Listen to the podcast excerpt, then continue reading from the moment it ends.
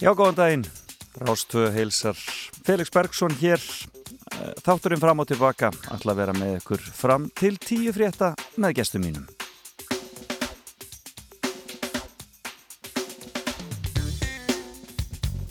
Og það var indelt að koma út í uh, veturinn í morgun hér í höfuborginni. Dásanlegt veður en hvet ykkur til að fara varlega sem eru það á ferðinni því að hálkan er ansir hengt lúmsk. Uh, það er svona, já, svona frís frís þegar það fellur einhvern veginn núna. Uh, þannig að þið farið varlega hvar sem þið eruð og um, já, það var verið að tala um veðri hérna í uh, fréttunum áðan.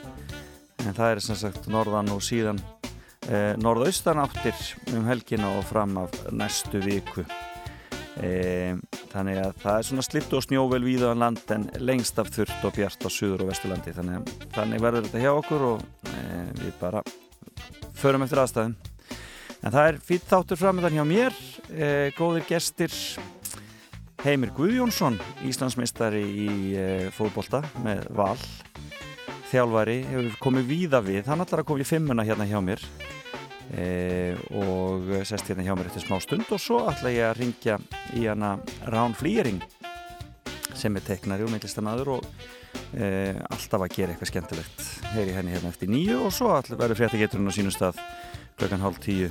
Og þá getið þið ringt og reynd að vinna ykkurinn uh, gjafabrif í Hannesarholt. Og, uh, og uh, fréttageturinn er svo alltaf þannig að það þarf að svara þremur spurningum í röður ég. Það tókst ekki í síðustu viku, ótrúlega en satt en það hefst kannski núna. Þannig að verið endilega með okkur hér á Rástvö og um, ég byrja alltaf daginn á lægi dagsins og um, það við eigum mikið uh, í safninu hér á Rástvö af allskynns uh, lögum sem að uh, listamenn hafa sagt okkur frá og eigum ekki bara að fá heimi nei, fá hann Valger Guðjónsson söngvara og, og tónlistarmann til þess að segja okkur frá lægi sem að spilur þjóðana gaf út fyrir nokkrum árum síðan. Góður Íslendingar, það er Valger Guðjónsson sem talar græna byltingin. Þetta er lag sem að sækir yrkisefni sitt í dægurmál og pólitík síns tíma, kom út árið 78. Þarna voru tvö mál í deglunni sem að, sem að koma fyrir í þessu lagi. Það annars vegar er græna byltingin en það var slag og sjálfstæðsflokksins í borgarstjórnarkostningum. Þeir ætluðu að, að gera græna byltingu í borginni og, og, og segja þar með rauðri byltingu stríð á hendur. Uh, á sama tíma var mikið áhuga og kapsmál hóps fólks að rýfa Bernhöftstorfuna. Það er að segja fallegu húsin sem standa austan við lækjargötuna og tegja sig frá bankastræti og heimað mentaskólanum í Reykjavík. Þetta er einhver fallegasta röð húsa á Íslandi og þó víðar væri leitað og með atfylgi góðra manna og hvenna þá tókst að afstýra því að að þessi hús voru rifin. Græna byltingin, þetta lagspil við stjóðana, var ofurlítið innlegg í þá baráttur. Slæmar eru horfurnar, bráðum verða torfurnar, allar undir grænni torfu. Slæmar eru horfurnar, bráðum verða torfurnar, allar undir grænni torfu. Við setjum nú upp húfurnar, því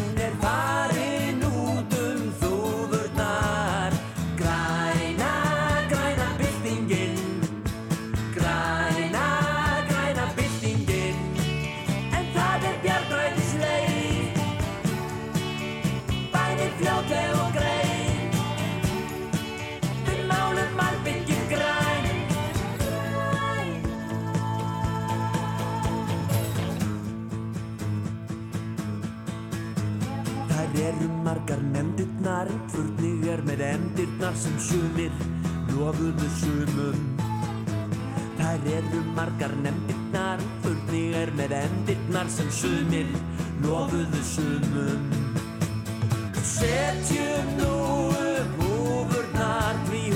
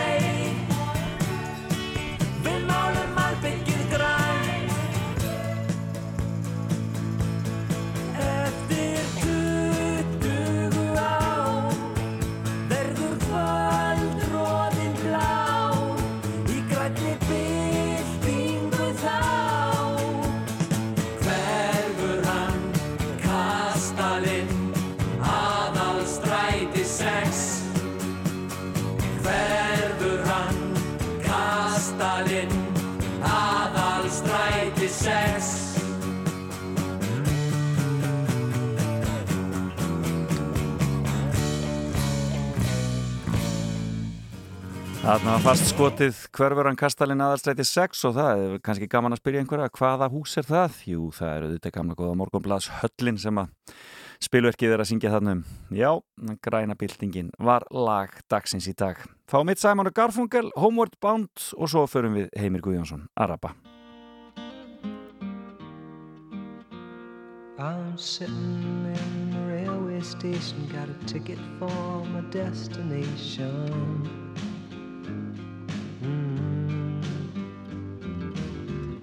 Tour of one night stands, my suitcase and guitar in hand. And every stop is neatly planned for a poet and a one man band. Homeward bound, I wish I was homeward bound. Home, where my thoughts escaping home, where my music's playing home, where my love lies waiting silently. Every day is an endless stream of cigarettes and magazines. Mm. And each town looks the same to me the movies and the factories. And every stranger's face I see reminds me that I long to be homeward bound. I wish I was.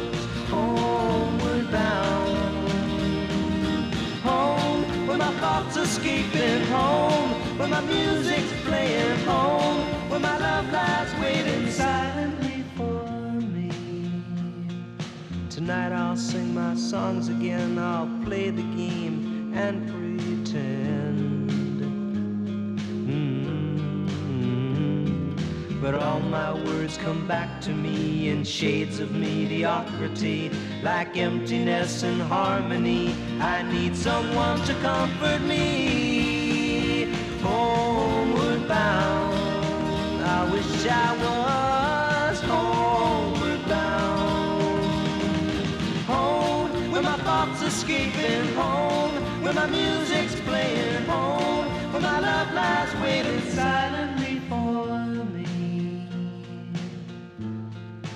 Silently for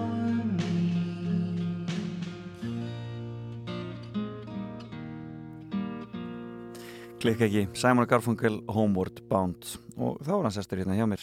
Heimir Guðjónsson, hjartanlega velkomin Þakka að kælega fyrir, Felix. Hvernig er hann á þér á fætur á lögadagsmotni? Erstu lögadagsmaður? Já, ég er nú yfirleitt uh, vakna fyrstur á, á mínu, mínu heimili. Já. Það er fínt ofta á ofta á hérna mótnana, fáður í friði og Já drekka kaffe sitt og lesa fréttir og, og svo leiðis. Hvernig er í fókbaltarum í þessum atvinnu fókbalta heimi? Er, eru lögadagarnir, eh, sko þetta er frekar keppnistagar en, en, en, en æfingadagar eða hvað? Já, yfirleitt er þetta sagt, uh, æfingadagar að þýleitinu til að uh, það er mikið af leikjum á, á sunnudöfum þannig að þá eru lögadagarnir oft notaðir svona í æfingar og, og mikið taktískar æfingar og svo videofundir og Já, akkurat. svo framvegist þannig að lögadagurinn er, er oft svona að nóg gera á lögadum. Já, þannig að er, þetta, er, þetta er svolítið öðruvísi vinna þýleitinu til að þetta er ekki, ekki 9-5, það er vist alveg á hreinu. Nei, það er, það er ekki en yfirleitt eins og lögadagarnir eru þá ertu kannski mæturu nýju já, og, já, milli, milli 8 og 9 og svo ertu eru við að undirbúa eða klára svona uh, þessa æfingu og vídjóið og svo framvegis. Já. og svo er yfir æfing um, elluleitið og vídjófundur hálf eitt eitthvað svo leiðis og hann er mennur búinir svona já búinir hálf tvö. Já, þannig að þetta er svona þannig að skipulagi, þú ert alltaf að skipulegja vikurnar einhvern veginn eh, svona þarf það að skipulegja hverja viku fyrir sig Um, með, það, með tillit til þess hvernig verið er að spila eða hver, hverja aðstæðin er algjörlega og, og hérna maður þarf alltaf að gera það er reynun svona að gera uh, svona mánaðaplan fram, já, já, fram í tíman en, en þetta er það alltaf háð háð breytingum og svo náttúrulega voru við í þessu ástandi í, í, já, í sumar, þannig að þá var ég vilt bara plana plönuð einvika já. fram í, fram í tíman og vona engi fóði COVID. Já, að um, uh, þetta íslenska tímabil náttúrulega ertu með þarna, mikla reynslu hér heima. Um, þetta íslenska tímabil er náttúrulega ekki það langt. Hvað, hvað, hvað er vinnan í rauninni þú veist, er, þú veist, er það að vinna allan ásins ring? Já, ég segi nú ekki allan ásins ring en, en mm. hérna, auðvitað er þetta alltaf það er alltaf eitthvað Já. eins og til dæmis uh, núna sem sagt tímabili búið og, og, og þá svona er alltaf uh, verið að reyna að finna leikmenn og, já, já, og svona þá fyrir sátími í gang sátími, silly season eins og þeir segja þannig að það er alltaf eitthvað en eins og staðan er núna þá gáum við mánuð í, í frí eftir já. það búið að blása mótið mótið af mm -hmm. og byrjum aftur í kringum 5.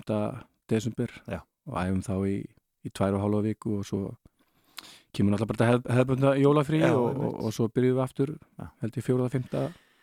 5. janúar þannig að þetta er orðið sagt, mín skoðin er svo ef þú ætlar að ná einhverjum árangur í þessu að þá er þetta bara sem sagt full vinna. Já, er árið farið alveg að, að býta í skottu á sér. Já.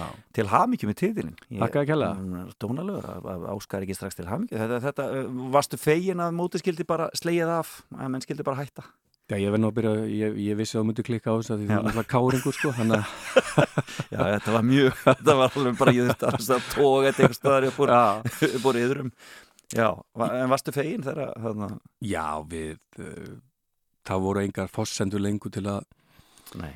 klára uh, þetta mót og við sjáum það bara í, í hérna mm, núna í vikunni að uh, sem sagt íþróttir fullorna, það er búið að færa það til fram í desember, fram í desember. Já, já, og, og, og það, mega náttúrulega sem sagt börn og úlinga mega fara að æfa. Mm -hmm. þannig að og ég reikna með því að, að þegar það kemur inn í annan desember þá er ég ekkit vissum að, að það verður einhver, einhverja tils, tilslaganir fyrir sem sagt fullorna þannig að þá er desember búin og, og, og, og þá eru náttúrulega bara allar fórsendur farna til að, að klára þetta mót. Hefði maður vilja að klára þetta mót, algjörlega.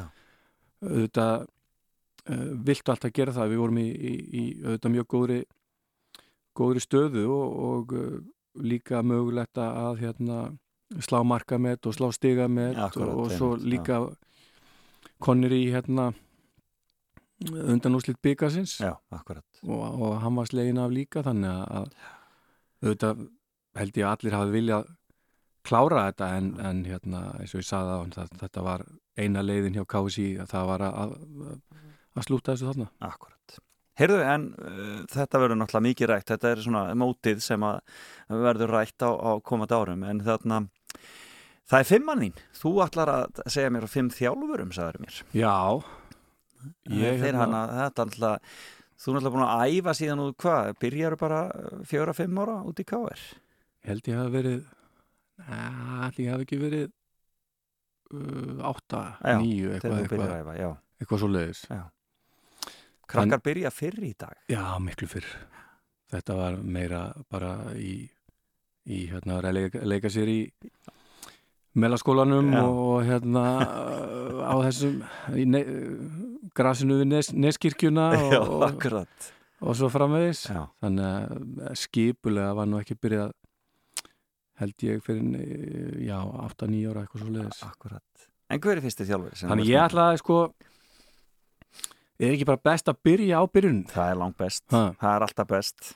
Þannig ég tók uh, alla heitin Helgason. Já, einmitt. Þann mikla meistara, þjálfaði þið ekki líka? Jú, allir Helgason Ég er nefnilega grunnið að það. Prentarinn, prentarinn knái. Já, já hvernig, hvernig kom allir þér fyrir? Ég, hann var uh, svona frábær þjálfari og, og hérna var með mikinn aga mm. og, og hérna lagði mikla svona áherslu á þessa uh, grunnþætti leiksins og, og lagði mikla vinnu í það að gera okkur strákana betri Já. og við vorum uh, náttúrulega hana, hörku árgangur uh, mikið af, af hérna, flottum, flottum strákum og, og Já, þarna 69 árgangurinn, já. Hilma Björnsson og reyndar, reyndar kom fengu við sendingu hérna úr, úr breiðholtinu. Það var aðeins setna Rúna, Rúna Kristi, Skuðni Gretas Stefán Guðmus og Steinar heitin Ingi Mundarsson og svo voru hérna auðvitað eh, Hilma Björnsson, Þormóður Eilsson og, og og hörðu Felix Harðarsson stjórnurlöfræðingur og Gunnar Gíslason Ingi Jóhann hérna útgýrakongur þannig að þetta voru, voru mikið að topp top mönnum hann og hann eh, sagt, hjálpaði hjálpaði okkur strákunum uh, mikið og, og hérna, hugsaði vel um okkur og, og var með uh, gott uh, gott skipula og svo var líka það sem var með hanna, hann var hann var rosa fitt sjálfur. Já, akkurat. Hann var svo hérna og var alltaf að hérna sína okkur einhverja hluti á, á æfingunum og, og hérna bara flottur. Það, það er kannski menn það er ekki allir sem vita það en, en hérna sá sem að setur hérna mótið mér, Felix Bergson hann var hörku vangmað Já, við skulum ekki fara út í það er bara guðan almáttu en á sko, en, ég er tvei mann eldri en þú og það, við vorum alltaf glataði árgangurinn sko 67 sko. Já, já. En, þarna, en, en fengum svona að toga yfir ykkur úr 69 svona, aðeins of snemma oft á tíðum. Já, þannig að þú varst byrjað að spila í þínum eh, senast eldri flokkum Eh, ofta tíðum aðeins of snemma. Þú veist ekki konið í þriðja flokk áður en þú áttur að vera konið í þriðja flokk Jú, jú, jú, það var það var svolítið svolítið svo leiðis Þannig að þetta þú hefur bara verið út í káer meir og minna uh, alla hína barnæsku. Já, já, það var náttúrulega uh, æsku heimilið á, á hérna á nesaðanum og náttúrulega bara skáhaldamóti meðlaskóla og hagaskóla þannig að það lág beinast við að maður færi í þessa skóla og svo náttúrulega ekki nema einhverjar 7-8 mínútur lapp út í, út í káer þannig að það lág beinast við að fara þar og ég, bara eins og við töluðum um um áðan þá var hérna var þetta bara þannig að ef maður var ekki að æfa þá fóstu bara eða, já, ekki að æfa og ekki í skólanum já. þá voru með bara að spila spila fókbalta út um út um, út um allar allar trissur eh, vestur í bæ. Ég man nú eftir því líka að það var stundum farið út á seltjarnanis og, og, og hérna spila þar og það, það voru svona þessar hverfa keppnir ef ég maður þetta rétt. Einmitt. Ég held þú, þú nú, tókst nú þátt í þessum já, já, það var, það var allir skemmtilegt. Það var já. svona í rauninni, þetta var svona þá bjóð maður til sitt eigilið já, sko. einmitt, einmitt og þarna e, það var einmitt, það var, það var svolítið áhugavert þetta er rauninni kannski forverið þess að, að liðin fara að búa til þessar turneringar sem síðan hafa orðið til í þarna, þetta var svolítið svoleiðis. Já, það var mjög skemmtilegt. En allir, sko, hann, hann, hann var þjálfarinn þá í mörga ár, var það ekki? Jú, hann þjálfaði Hann var sko, yngri flokka þjálfari já, já, hann þjálfaði í, í mörg, mörg, mörg ár og hérna og fylgdi ykkur kannski já, upp í... fylgdi okkur upp í, í fjórðaflokk já. og uh, sem sagt eftir að fjórðaflokknum uh, líkur að þá hérna þá hætti hann uh, með okkur. En maður náttúrulega hitti kallin oft og spjallaði við hann alltaf gaman að tala, tala við hann um hérna um fókbólta um og, og hérna ég kann honum bestu þakkir fyrir þetta Já, frábær. Hver er næsti þjálfari? Herru þá, ég, að því við tölum um að byrja á hérna á byrjuninni, Já. þá hérna uh, þegar að mm, uh, allir hættir þá komin inn í þriðaflokk þá kemur Lárus nokkur Loftsson Lárus Loftsson? Já, valsma, valsari hann tók við hérna og liðinu var búin að hérna þjálfa mikið og, og hann var mjög góður fyrir okkur uh, hérna, og hann svona tók við af alla já, já. og hérna það var hérna mjög góð, mjög góð ákvörðun og hérna hann svona uh, helt áfram þessari veg, vegferð svona sem þessi árgangur hafi, hafi verið á og, og hérna allir hafi uh, búið til að ja. svona, hann náði að, að hérna, halda þessari velgengni áfram og, og hérna, þessum, þessum sömu, sömu hérna, strákum. Er þarna að byrja að menn séu aðeins búin að menta sig meira í þjálfarfræðanum og svoleiðis? Veistu hvernig það var? Eins og með, sko, allir öruglega ekki. Nei. En, en hvað heldur þú með Lárus?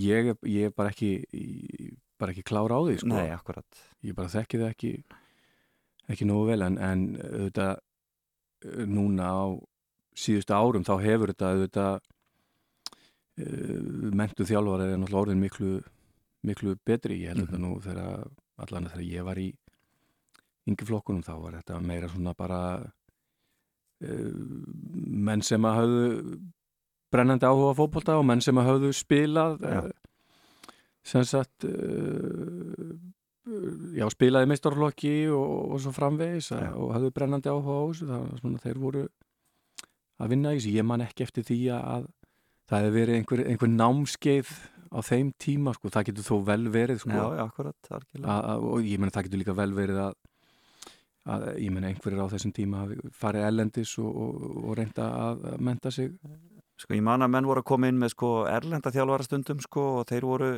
áttu til að vera með byltingakendar hugmyndir reyka menn í tegjur og eitthvað svolítið sem að þótti þetta náttúrulega algjörlega fáránlegt Æ, ég sammála því. Mér finnst það enda fórhald. ég skil ekkert í þessu. Hvenar meina, sko, hvenar ferða að banka á dyr í meistarflokki? Hvað ertu gaman þegar þú ferða að... Ég held ég að spila, sem sagt, eh, sem sagt, fyrsta meistarflokksleikin 1900, það hefur 85 eða 6 í Reykjavík-mótunum Nei, á 85 held ég, Já. svo spilaði ég held ég í 86 spilaði ég í í liðinu. Þá ertu 17 ára? Já, þá er ég 17 ára Og ertu þá, þá haf, hafður í öðrum flokki líka eða hvað á þeim tíma? Nei, þá var sem sagt ég vann með sæti hann í byrjunliðinu um mitt mót og þá hætti maður að þá spilaði maður ekki með með öðru floknum en, en fram að því þegar maður var eins og fyrirluta mótsins þá var ég sem sagt á begnum og var að koma inn á og þá var bara fínt að spila þessa leiki og, og hérna svona þá var maður uh, betur undirbúin þegar að leið á á hérna á tímabilið Já, akkurat Þetta er 17 ára einn í mistarflokk er það var þetta á snemt eða? Nei, Þér fannst það náttúrulega ekki á þessum tíma? Nei, ég, mér fannst það, fannst það, nei, það er góð punkt í þér. Það var hérna, mér fannst það ekki.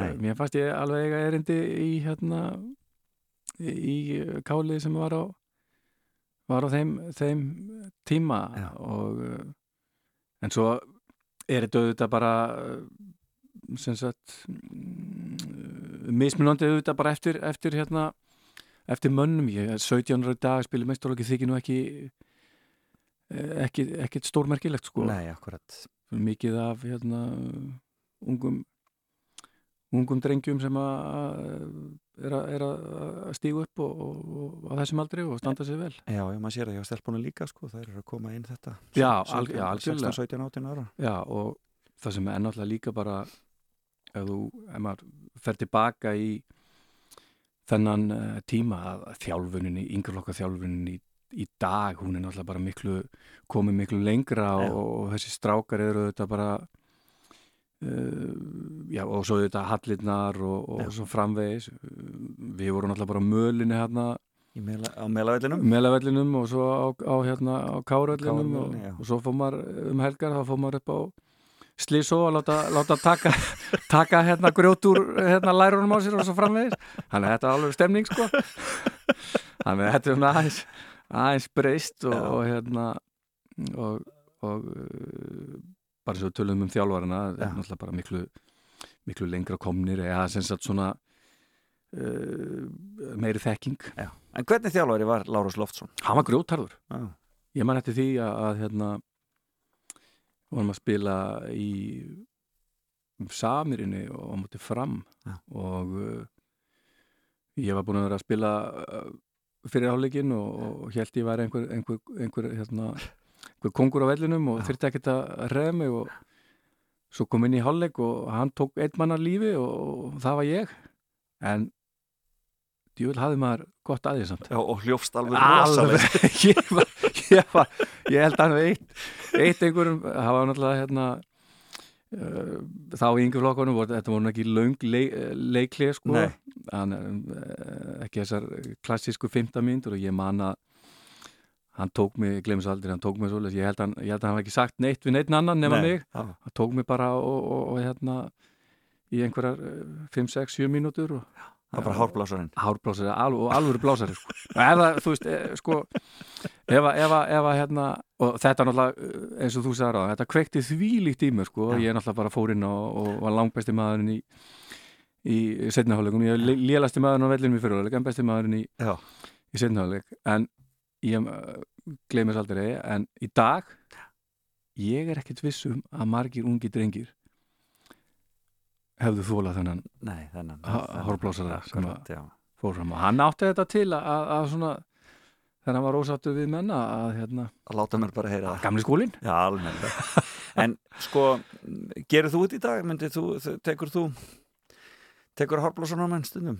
Mm, já, ég hef nú gert það en, en ekki ekki svona í, í ég reyni að gera sem minnst að því. Ég held ég, ég held ég einu sinni uh, í hérna Og metur það þá hvort að menn þóla það? já, svoleiðis, þú verður að gera það. Já, það er ekki, er ekki allir sem að, hérna, þó að ég tók einn svona þokkalegan blásara í, í hérna í sumar, það var eh, þegar við töpum fyrir Ía fjögur eitt á valsvöllinu Já. þá tók ég hérna einhverja einhverja svona. En mér fannst ég gera það ágætlega sko. já, já það hafði aldrei áhrif. Það, Já. það var ekki, það, þið töpuðu ekki miklu eftir það. Nei, það vist alveg á hreinu. Heyrðu, hver, hver er þriðið þjálfari? Heyrðu, þá, nú förum við í, í hérna stóra buffið. Já, Guðjón Þórðarsson já sjálfur. Já, já Við getum ekki, við getum ekki verið með fimmu og ekki haft hann Nei, sko. nei, akkurat Hver, hvar, hver, hvar þjálfaði Gauði þig? Gauji þjálfaði mig eh, fyrir norðan Hjá Káa? hjá já. Káa Alveg 1990 og rétt. svo tók hann við haustið eh, sem sagt, eh, já haustið 93 þá tekur hann við liðinu og hann var eiginlega svona, þarna var maður orðin Við, við Kárliðinu þá? Já, Kárliðinu, Já, einmitt já. Og uh, hann var sem sagt, þarna er maður orðin sko 20 og uh, hann tekur við á 24 ára. Mhm. sem sagt 25 ára þegar sem sagt 94 þegar uh, mótið er. Og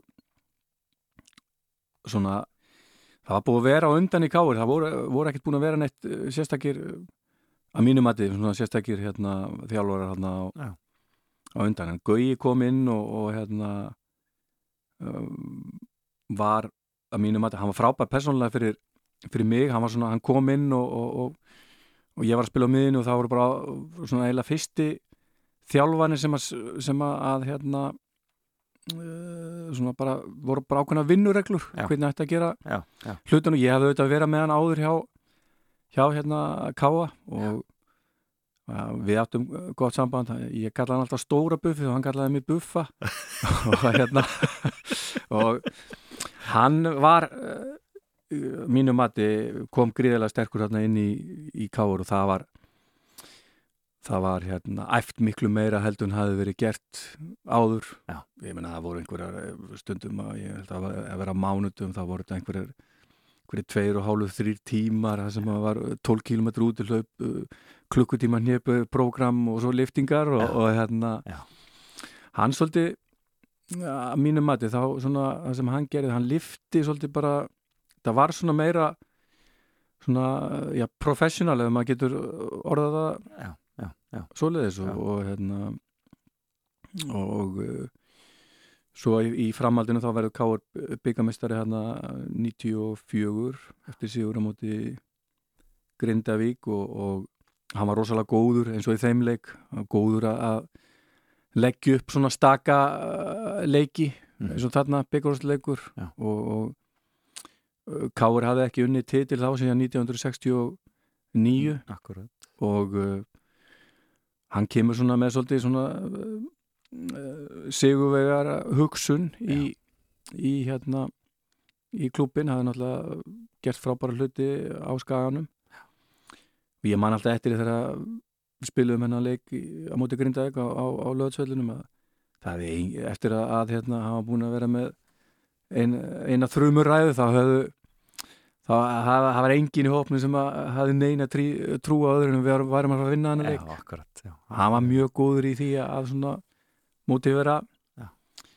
Mótivera hérna menn og var, var tvö ár 94-95 og, og maður, ég, man, ég held ég að maður aldrei í betra formi heldur en þeirra.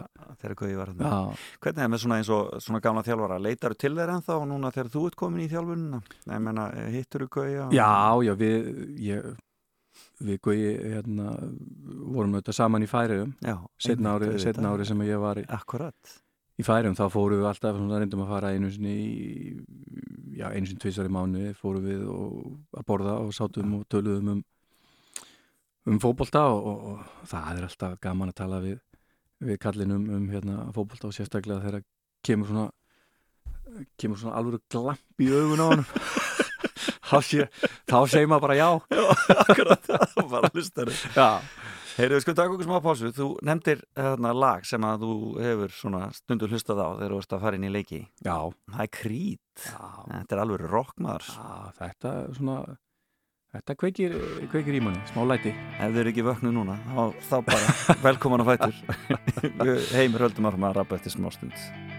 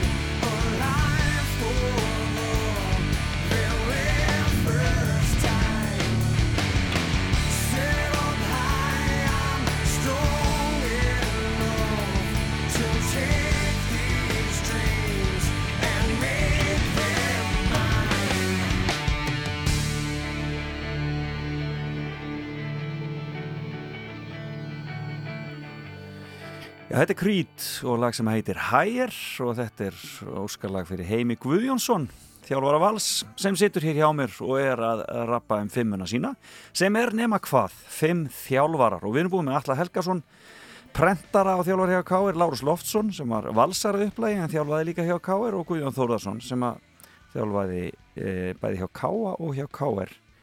E, þegar Heimi var þar En hver er svo fjórði Heimir? Heyrðu, Sko, þegar þú ringdir í mig á, á hérna í vikunni Já. þá held ég að þú hefur öruglega sagt að þetta þurftu ekki vera þjálfar sem, sem að hafi endilega þjálfa mig. Nei, nei, ekkert endilega. Og þannig að Svo sem hafa haft áhrif á því Já, þannig að, hérna, einmitt þannig að, að nú förum við bara ellendis og þá ætla ég að nefna Hollending uh, Rínus Michels eh, heitinn sem að var svona sáþjálfari sem að uh, sem sagt í Hollandi sem að fann upp það sem er kallað total fútból þegar hann var með Ajax á ég held að það hef verið 60 og, og, og eitthvað Já. og var svona nú lesið bók eftir hann og hann var meðal annars með hollenska liði, landslið þeir eru Europameistarar 1988 frábært lið þar sem hann voru og Ronald Koeman sem er núna þjálfur hjá Barcelona og, og hérna, Frank Rækjard og, Gullit og Van Basten og, Akkurat, og allir, lið, allar þessar hetjur og Já, fókbólti sem maður hafði einhvern veginn ekkert sé Nei, sko, nákvæmlega. einhver, einhver, bara, einhver alveg nýr. Já, og uh, svona langt á undan sinni sinni hérna samtíð og, og svo sem sagt fer hann held ég uh, í kringum 71 eða 2 til Barcelona Já. og í framhaldinu kemur sem sagt uh, Johan Cruyff þar og, og sem er svona kannski byrjun á þessu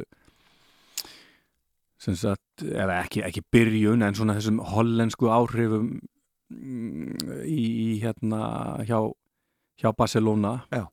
Já. og hérna þannig að hann var frábær svona Eh, svona þjálfari og gerði náttúrulega Ajax að stórveldi hérna á, á, á hérna á sínum tíma. Akkurat, hittur hann ekkert hann? Nei, Nei. hitt hann aldrei en, en hérna ég var uh, í sjálf þess að sko það var oft uh, hérna Íslendingar voru mikið að horfa á, á enskan, enska boltan Já Og, og hérna, ég var svona mér fannst eiginlega ekkert varði þegar ég var yngri mér fannst eiginlega ekkert varði í ennska fókbóltan á þeim tíma sko. Kick and, kick and run bara, já, já, bara, já, þannig að uh, þá fór ég svona meira að spá í þetta og, og hérna maður reyndi svona að hollenski fókbóltinn, hann heitlaði mig svolítið og, og, og hérna eins og í, í þessum stóru keppnum uh, EM og HM þá held ég Ég vil eitt með, með hérna á hollendingum frekar, frekar en eh, englendingum. Akkurat. Flestir íslendingar heldum með Með England alltaf. Með England alltaf. Ég átti aðrið með að skilja þetta. Já, akkurat, já, akkurat. Miklu betri fókbólti þar já, Þar spilaður um, Og hans náttúrulega áhrif eh, eru enn í nútíma fókbólta Já, algjörlega. Menna, hann, hann kannski bara uppgötuða nútíma eða svona bjóð til nútíma fókbólta eins og hann Já, það, já, hann er svona þessi já, sá maður sem að er sem sagt fyrstur að, að hérna eða já, að hérna sem sagt búa svona til þennan uh, uh, sem sagt fókbólta halda bóltanum innan liðsins já. sem að svo náttúrulega fleiri uh, þjálfarar eins og til dæmis Gardiola hafa tilengað sér og, og, og hérna Já, akkurat og svo, svo framvegis. Já, klopp. Klopp, já, okkurlega e, Sá fymti Herru, þá, já, þá hérna að þið vorum að tala um hérna ennska fókballan og, nú er ég búin, aðeins búin að drulli verið ennska að þá ætla ég að þá ætla ég að hérna Tómas er alveg brjála Já, það ekki. Þannig þá ætla ég að velja Trevor Brooking. Já. Hann var hérna þá var þetta þannig að, að, hérna, að því vorum að tala um enska, enska bóltan að hérna, og þá kemur að því að, að því liði svona, svona sem ég hef kannski haldi með í, í, í, á Englandi, það er Vestham Já, ok, já. Og, en ég tek það fram að ég, ég sef alveg uh, rólegur yfir þessu og, og hérna er ekkert svona dedicated uh, hérna uh, stuðnismæður sko. Já, akkurat. En hérna þá var þetta þannig að uh, það voru Bjarni Fel var að lýsa náttúrulega þessum uh, leikjum frá Englandi, vikugunum leikjum og, og, og ég og gamli við, við sátum og, og horfum á þetta. Og þá Já. var þá hérna sámar var sínt með vestam, þá var Trevor Brooking. Já, og hann var náttúrulega svo langt á undan þessum gæðum hann á Englandi. Ekki, ekki, ekki fljótur hrikalega hérna klókur leikmaður og, og eh, eins og vorum að tala, tala um á hann, með Rínus Michels að, að hann var langt á undan undan sinni, sinni samtíð eða sem, sem, sagt á Englandi já, og uh, var hérna uh, sem sagt uh, góða sendingar og, og alltaf vel staðsettur og góður í stuttarspilinu og, og hérna var lítið í þessu sem, sem að þú saðir á hann að, neglónum, já neglónum fram. Já. þannig að hann haf, hafði mikil áhrif á sem sagt uh, fótboltaferil minn eða svona ekki Já, beint svona, svona að þýleitun til að, að hérna, hann svona spilaði leikin eins og maður svona eh, eh, hann var miðumæður og ég var náttúrulega svona sem að manni fannst eins og ætti að miðumæður ætti að, að hérna, spila leikin Já, akkurat, þannig að þú, ég, hann hefur rauninni þau áhrif á þig að þú, þetta verður þinn, þinn stíl í fótbolta. Já, algjörlega. En þá, en kemur þá bara vestam aðdáninu bara í kjölfæra á því? Það er bara trefða brúking sem gerir það vestam Já, það er ekkert það er ekkert annað því að það, það voru hérna eins og ég kom fram að, hérna, ég var ekki sérst, engin sérstakur aðdáðandi á, á þeim tíma fótbolta, en hérna það kemur akkurat þannig og ég held að það verið uh, HM 86 að ef að trefur brúking var mittur þá Já. að hérna ef hann hefur verið heill þá held ég að englendingar ættu tvo Já, akkurat, já. í staðin fyrir, einn Þetta er orðið, þú segði mér núna að þið vorum hlusta leið 15 ár sem þú varst búin að vera sjálfur þjálfari. já, Þetta líður. já, þetta líður líður, líður rætt Hvað er besta lið sem þú þjálfað? Þetta er góð spurning Já.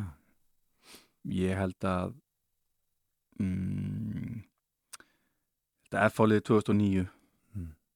Ég held að það sé besta liði sem að ég hef þjálfað þá var bara spilaður sóknarleikur Já. Ekkert verið að eða, miklu púri í, Nei, í, varn, í varnarleik Þurft ekki. Nei, þannig að ég held að það sé svona það voru sko, Það var alveg óþólandi gott lið. já og það voru var uh, þannig að það voru yfirleitt bara sóknamenn í öllum stuðum Já, og það voru alþjóð, og það var svona alþjóðlegu fótbalti. Já. Og þið, ykkur gekk líka vel Já, algjörlega, alþjóðlega. já þannig að ég held að það sé svona það er svona fyrsta liði sem að dettur upp í, upp í hérna, Valsliðið í sumar? já það fer valsliði sem að fer klálega á, á, á topp 3 Já.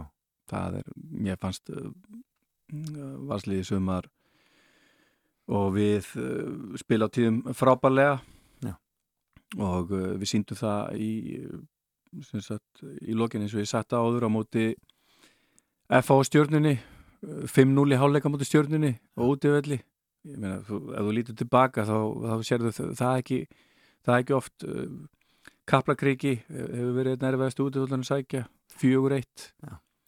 þannig að uh, þetta valslið fyrir topp 3 og það er ekki spurning, það eru margir feikilega góðir fótboltamenn í, í, í þessu liði og verðu í mestar Já. Hver er framtíðin hjá Heimi Guðjónssoni? Ætlar að, að vera hérna heima áfram eða stefnur eitthvað lengra? Já, ég er með samning við hérna, við val og eh, auðvitað í framtíðinu þá hérna, vonast maður eftir því að maður komist, komist lengra og ég er eh, sagt, núna þá er ég að klára Júfa Pro þjálfara gráðu og eh, auðvitað hefur það náttúrulega bara tafist út af, út af náttúrulega stöðunni í, í hérna, þjóðfélaginu. En, en, en þegar ég er komið með hana þá sem sagt er ég koma alla gráður sem að þarf. Og auðvitað er maður auðvitað vill maður alltaf uh, gera betur og, og hérna reyna að komast lengra, það er alltaf maður hugsa það alltaf. Nú múin að vinna allt sem að hægt er að vinna hér heima. Já, það er bara, það er svo gaman að vinna með, það er svo gaman að, hæ, hitt er svo leiðilegt.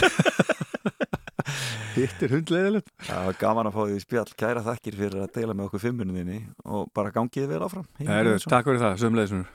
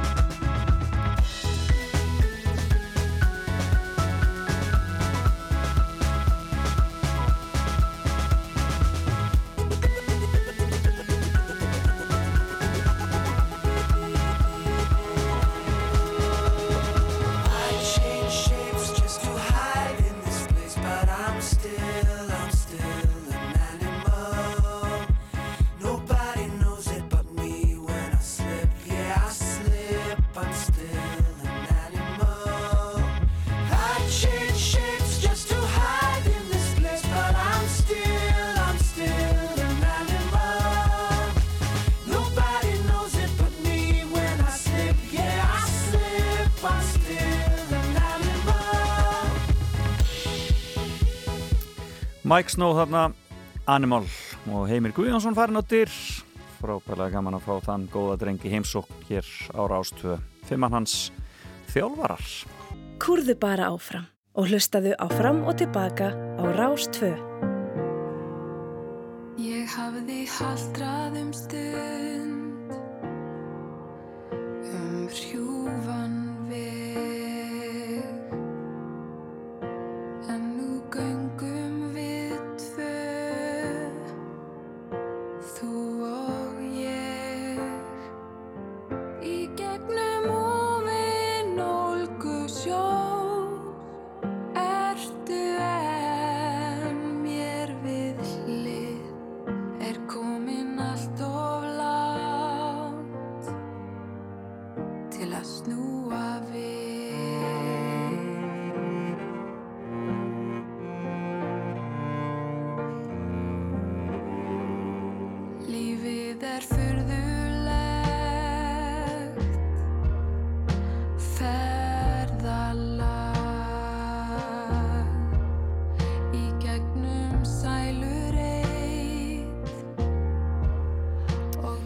að þurfa að draga það niður í þessu, þetta er Hildur Val og frábært nýtt lag á henni, komin allt of langt. Við þurfum að fá auglýsingar og svo er frétti klukka nýju og svo höldum við áfram í fram og tilbaka.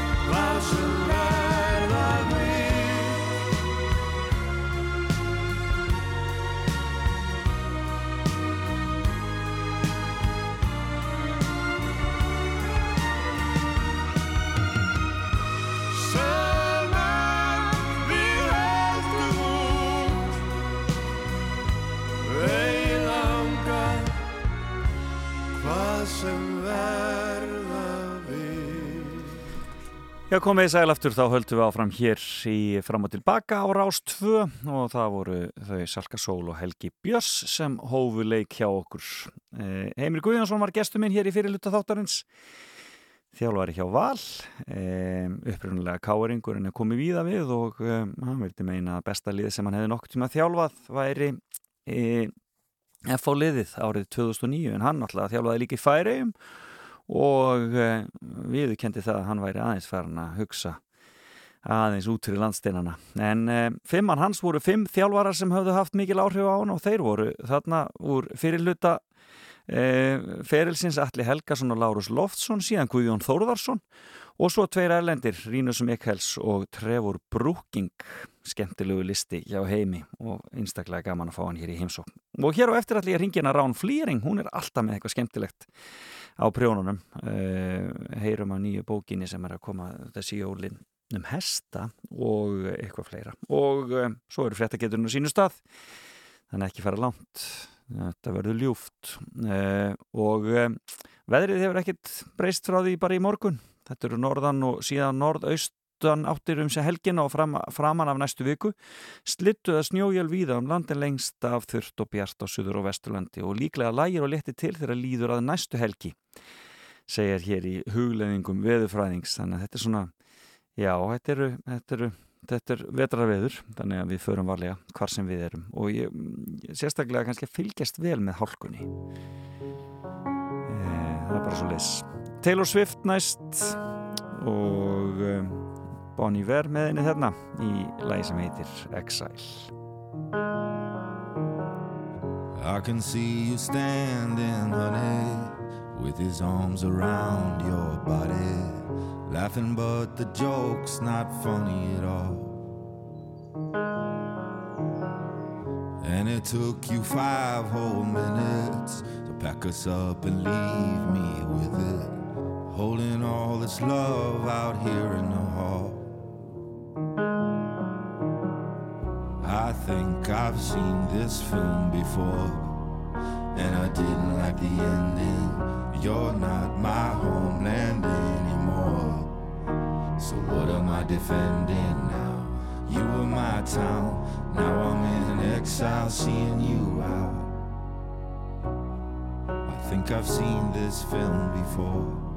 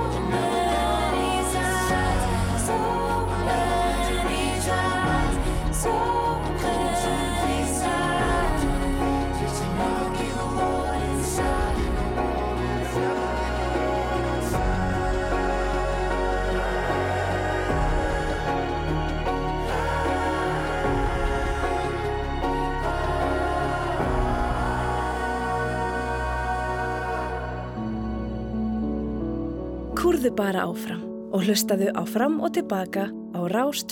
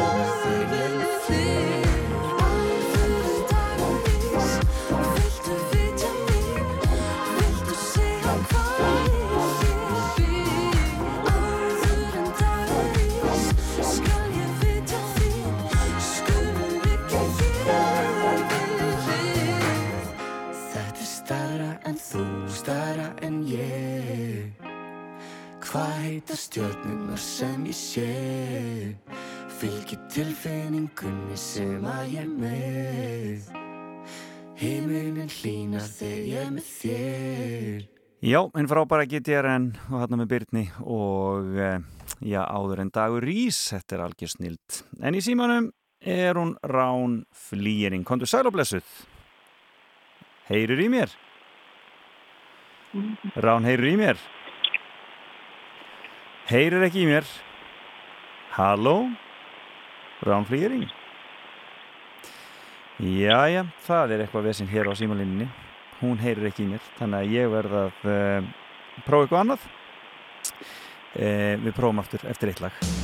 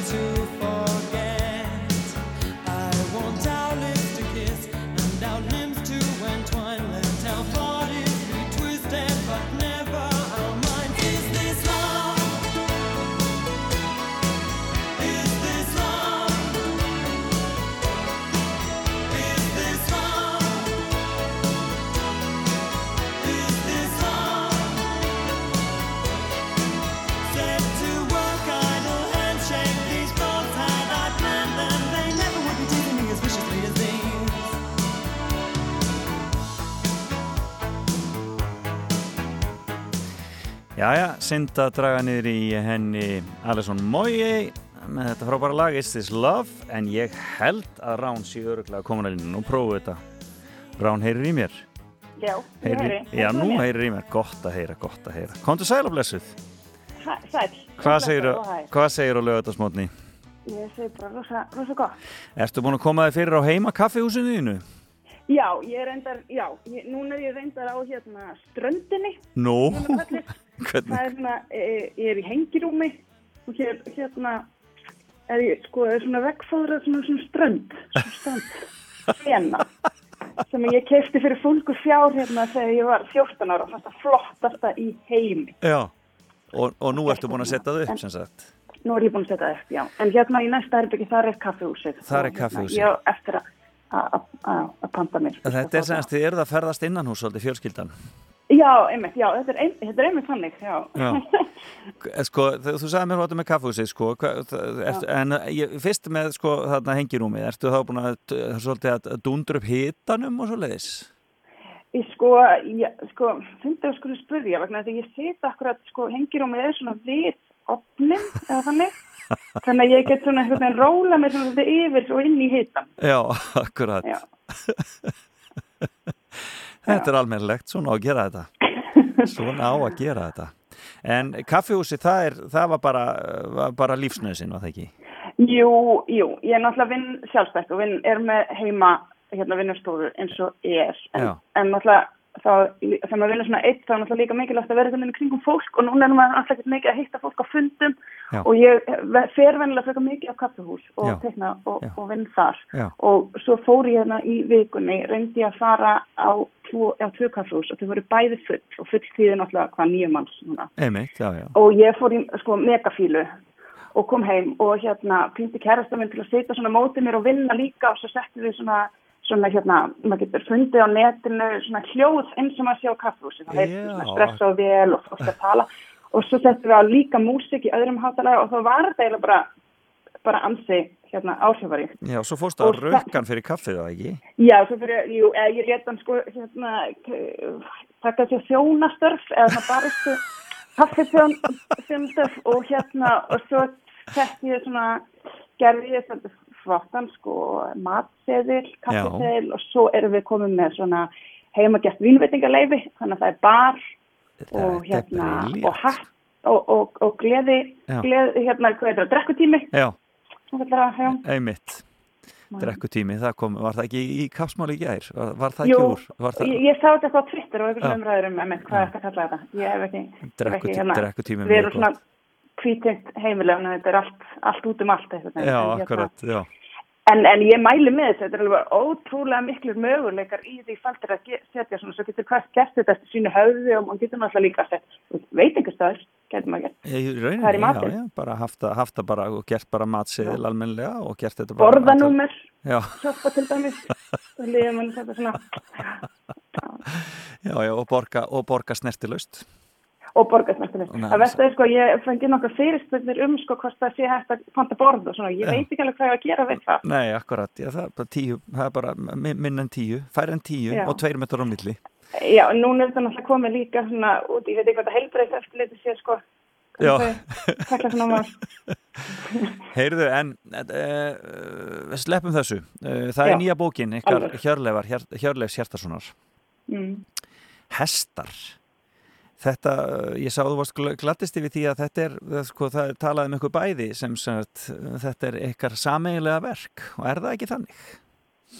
Jú, jú, náttúrulega, hann lendir kannski svolítið í því þegar maður svona er það sem að hefur hér lengst að vera kallað myndskreitir sem að hérna, mér skal ekki lýsa starfinu eftir óbúslega vel, en svona verk verður svo illa veist, já, það er náttúrulega í myndskreitinu því fallega að þetta myndirna gegn, gegn einhverju svona skreiti hlutverki Já, akkurat. En ég held í svona bók og sérstaklega hérna í samstarfu okkar hér það verður búið að erfitt að skilja á milli hvað nákvæmlega er mitt og hvað er hans. Já, einmitt. Þegar maður vinnur svona saman og við vinnum alltaf þétt saman þá við hittumst meira svona, ekkert samt svo oft Nei, nei, einmitt. það. En það verður bara eitthvað svona, já, það er svo, svo margt sem þarf að gera til þess að svona raða saman svona textum þannig að úr verði eitthvað en eitt verk. Þannig að mér finnst þú að gaman að þegar, hérna, já, þegar við erum svona bara fáum að hérna, um okkur sem fallaði sem bara höfunda þessar, þessar bókar. Þetta er óvennileg bók, hún er ekki svona, þetta er ekki svona, uh, þú veist, hún er svona svolítið, uh, já, hún er svona skemmtilega uppsett og þarna, uh, svona önnur nálgun á bókaformið svolítið, en við höfum séð oft á tíu hérna heima.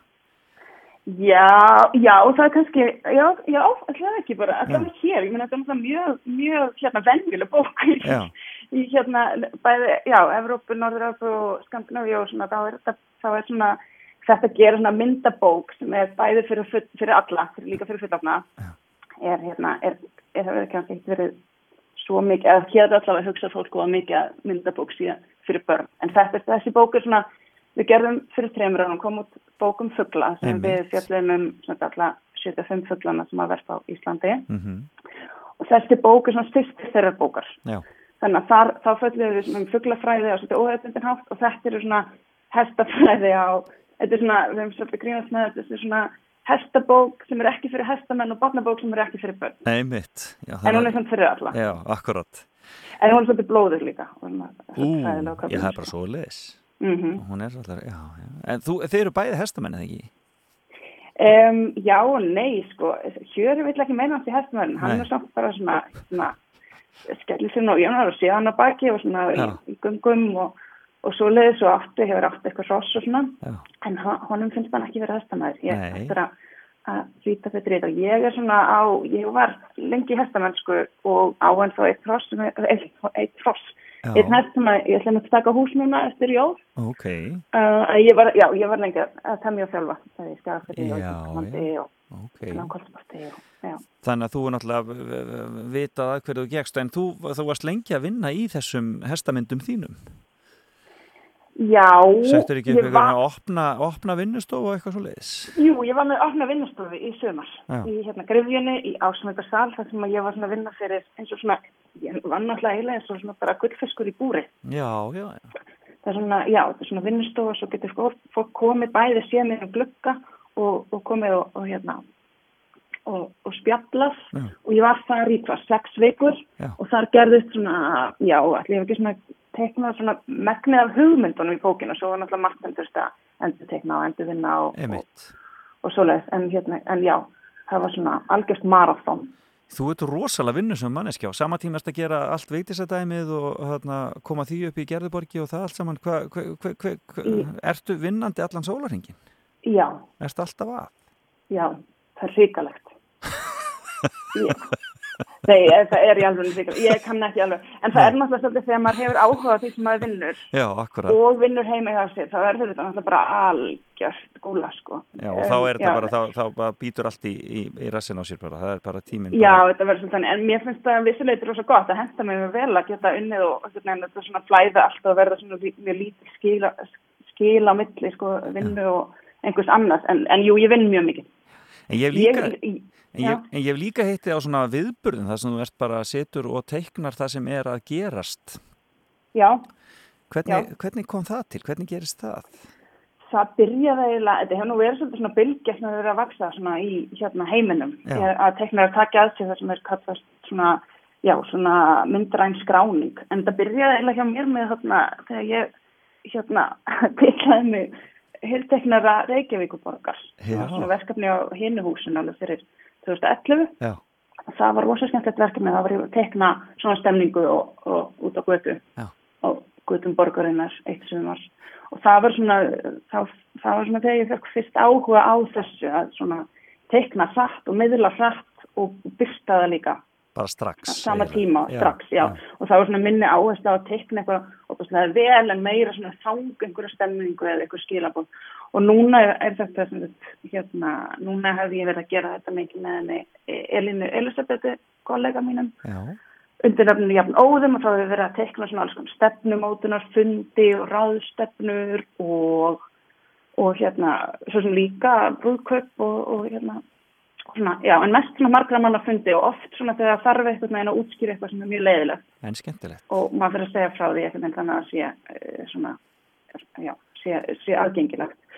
Og svo hef ég líka verið að gera þetta með hérna, uh, núna er ég að vinna með þeim Doug Thompson og Þóri Viljámsdóttur hjá hérna fyrirtæksmyndir en Power, við höfum verið að vinna með lengi saman að svona hérna jafnbrettis uh, ráðgjöf og, og stefnumótun og þar er þetta mikið nota til þess að til þess að bæði sko greina og líka til þess að tala um svona hluti sem eru erfiður að, að bara erfiðt að tala um. Og þá geta myndir verið svo opastlega hjálplegar við að sína eitthvað svona kjarna eitthvað svona og, og húmor líka. Að segja eitthvað sem er, er erfitt en allir skilja einni mynd en fyrst að lesa eitthvað langar skipti það er þetta til þess að svona Briljant, það hljóma mjög vel. Það er sem sagt alltaf allt á fullu hjá Rán Flýring. Já. Ertu byrjuð að undirbúa næsta ári eða ertu bara að þannig Ég, ég er, er rosalega mikið að vinni að reyna að undirbúa ekki næsta ára, það gengur ekkert mjög vel. Við, hérna, já, við, við Gunni, félagin, Helgarsson, erum að fara, erum að vinni rosalega skemmtilegum bók sem verður á næsta og svo, hvað meira, Vingdís var að koma út á færi, sko. Já, mm -hmm. það, það, verkefni, það verkefni heldur áfram að gefa.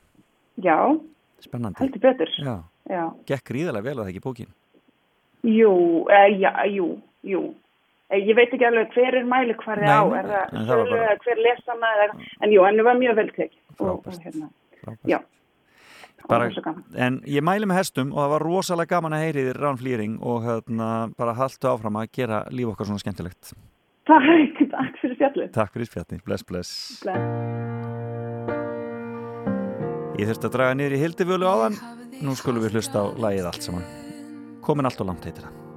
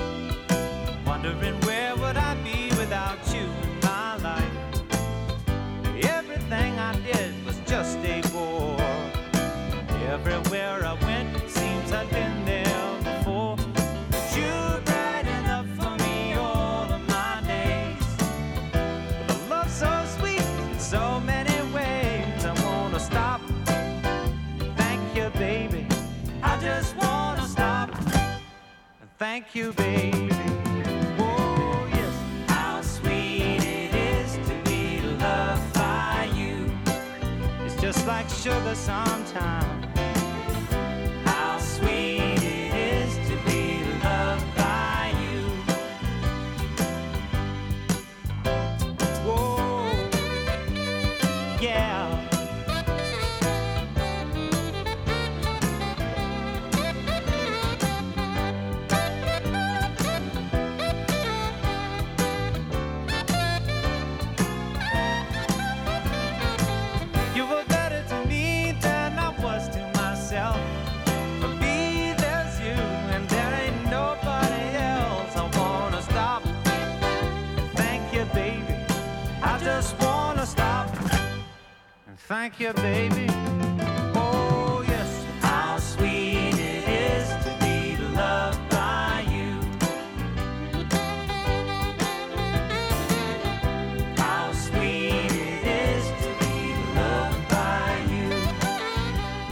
Hversu ljúft er það maður? James Taylor hérna, How sweet it is to be loved by you.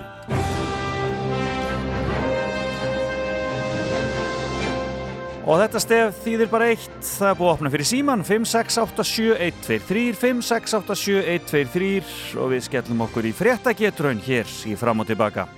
5687123, þið þurfum að svara þremur spurningum í röð rétt og þá er e, e, e, gjafabrifið í Hannesholt ykkar 5687123, þið megi byrja að hringja.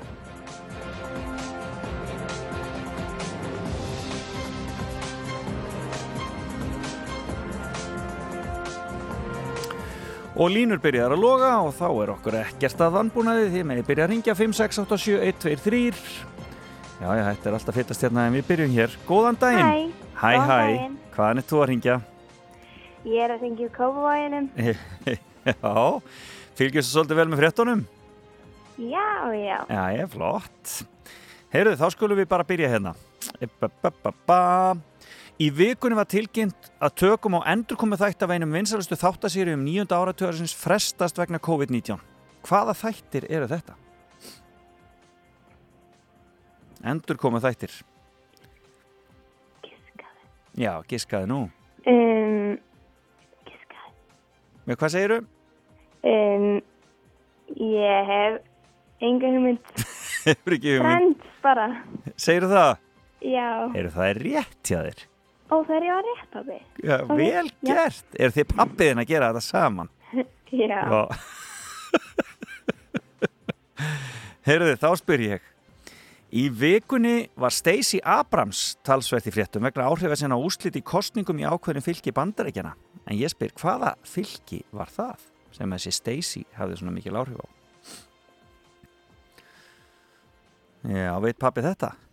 Giska. Já, hann verður að giska. Uh, Arizona. Nei, ekki rétt, en vel var Nei. skotið. Takk fyrir að ringja. Já, Þú heilsa takk. pappa. Já, bless, bless. Bye. Já, nei, pappi vissi þetta ekki. Þessi þetta góðan dag. Já, góðan daginn. Veist þú hvaða fylki það var sem þessi Stacey Abrahams hafði svona mikil áhrif á? Erðu, Hey, breytist hún bara? Var þetta ekki Georgia? Jú, það var Georgia. Veitu, hvað gerðist? Hvað, byrjaði einhver kona að tala og svo bara alltaf breytist hún í kallmann hann bara? Ja, með ekki verið tveir í leiknum? Jú, sannarlega, sannarlega. Ég bara velti fyrir mig hvort að það hefði verið hérna. Já, það hefði orðið breytingan í miður, miður á. Heyrðu, þetta var rétt hjá okkur. Hvaðan er það að ringja? Smá samvinna í gangi. Smá samvinna, flott. Hvaðan er það að ringja? Hvað er... Er í rútafyrinu? Er í rútafyrinu, já. Það er frábært. Er ekki gott veður hjá okkur rútafyrinu? Já, svona að sleppa til. Það var smá þoka á holdafriðinni. Já, ég skilin. Þeir farið vallega, það er öruglega hált. Reynum það. Heyrðu, já, já. Þá ætlum ég að spyrja ykkur. Þið komið eitt rétt. Í vikunum var ég fréttum að svikarrappur reynda að kúa fjö út úr fólki undir nafni þekkts íslensk tónlistamanns. Hvaða íslenski tónlistamæði var það? Ég held að þetta hefði verið Bubi Mortens. Nei, það var ekki Bubi Mortens að þessu sinni. Þeir hafa reynd áður sem Bubi en þetta var ekki að þessu sinni. Takk fyrir að ringja. Já, Góða ferð. Já, bless. Nei, hvaða tónlistamæður var það í þessari viku? Og við spyrjum hér. Góðan daginn. Halló, Góðan heyrður í mér? daginn. Já, sælumles. Veist þú hvaða tónlistamæður varð fyrir þessu? Já, Páll Óskar. Það er hárétt hjá þér. Páll Óskar. Vel gert. Hvaðan er þú að ringja? Flóarhætti. Flóarheppi. Það er dásanlegt. Er ekki fínt hjá ykkur í, morgunsárið? Það Veðrið? er indislegt að horfa á heimili. Æðislegt. Það er alveg bara... Eins og það á að vera. Listaverk. Æðiskengið. Heyrðu, en þá spyr ég þið hér. Í vikunni kefti Reykjavíkurborg húsnæði kynlýstækjaveslunar og fór víða í fréttum. En nú er spurningin, hvað ætlar borgin að gera við þetta húsnæði? Það er að hafa leikskóla þarna. Það er hárétt hjá þér. Vel gert. Þú ert alveg með fréttina. minn. Já. Heyrðu, þá er eitt, það var spurning hvort þú tekur þá síðustu hérna. Ó, ekki hafa það þungt. Á ég ekki hafa það þungt. Nei, þetta er orðið spennandi, sko. En það var mikið, það voru myndir í vikunni af fálka að gæða sér á bráð sinni í gardi í Fossvogi. Þetta voru ótrúlega Mhm. myndir. En ég spyr, hvaða fuggl var svo ólárumsamur að lenda í klónum á fólkanum? Há máfur. Það er hárétt! Vel gert! Hárétt hjá þér. Og nú spyr ég, hvað heiti konan? Eigló Stefansdóttir. Eigló Stefansdóttir. Já. Og ég þarf að ringja þér, eh, senda þér þetta, af því að við reynum að, að, að, að, að þarna, halda fjarlægð. Hvar ertu Já. á landinu? Ég er í Reykjavík. Já, þú byrjir í Reykjavík. Hvar í Reykjavík? Eh, Næfur á 17. Næfur á 17. Við sendum, 110. við sendum þér þetta upp í Árbæ. Hérna, e, gjafabref í Hannesarholt. Frábært. Kærar þakkir fyrir að taka þátt og njóttu dagsins. Já, sömulegis. Takk að fyrir. Já, bless, Bless. Já, og þakk ykkur öllum sem ringduð og tókuð þátt í fréttageturinn í dag. Þetta var skemmtilegt og uh, við þakkum Átna Frey Magnúsinni fyrir að koma þessu saman fyrir okkur og það verður fréttageturinn að sjálfsögðu hér aftur eftir viku en það var hún Eigló Stefansdóttir sem tók þetta. Hér er eitt gammalt og gott. Þetta er Ego og þjóðateglaði frá 2009. Það var árið sem að Heimir hann hefði verið með besta lið sem hann hefði þjálfað, FH liðið það ár. En svona hljómaði þetta.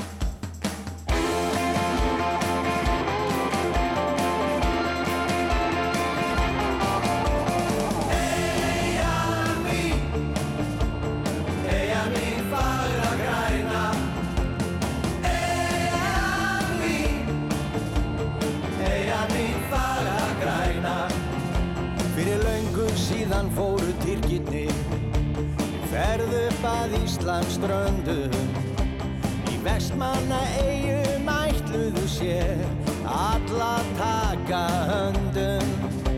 Um miðjan nótt neittist fólk til að flýja. Glóandi hraun yfir húsin að streyma. En heldu þá aldrei aftur sneru. Eyjamenn til síns heima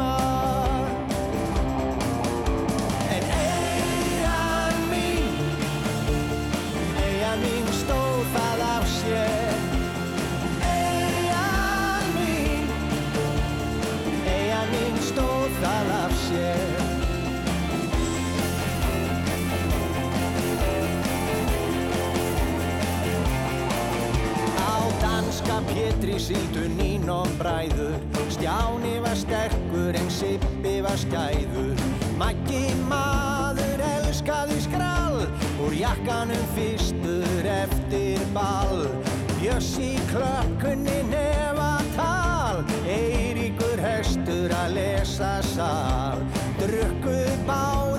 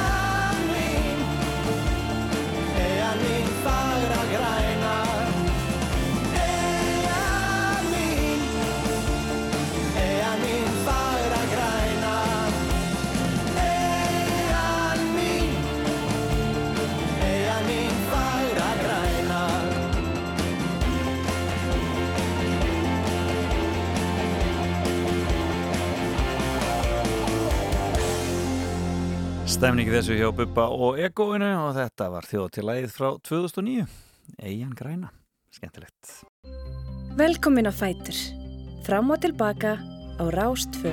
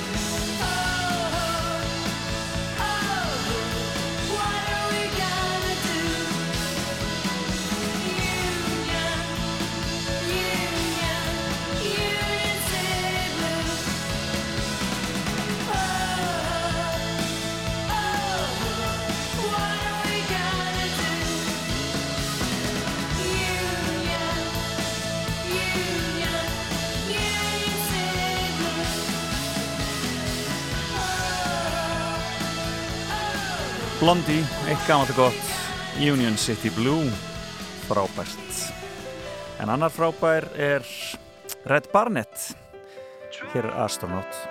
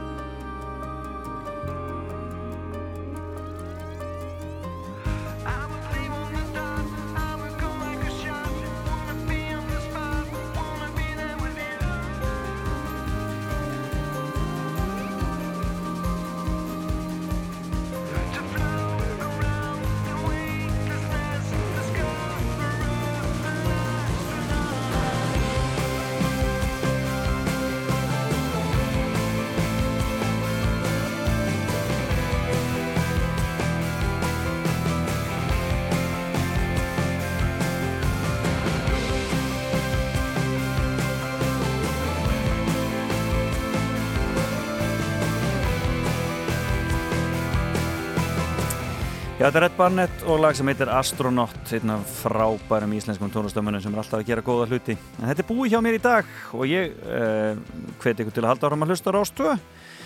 Gísl og Björg að byrja hér eftir smá stund og svo auðvitað ætlum við að fylgja eftir Æslandi Airwaves, frábæri tónleikar í gangi í kvöld og það er aldrei gaman að því að, eh, að meðal þeirra sem er að spila í kvöld eru fulltrúar Íslands í Eurovision undanfærin ár. Eh, Annars vegar Hattari og hins vegar Daði Freyr, það er saga til næsta bæjar, það hefur nú ekki alltaf verið þannig.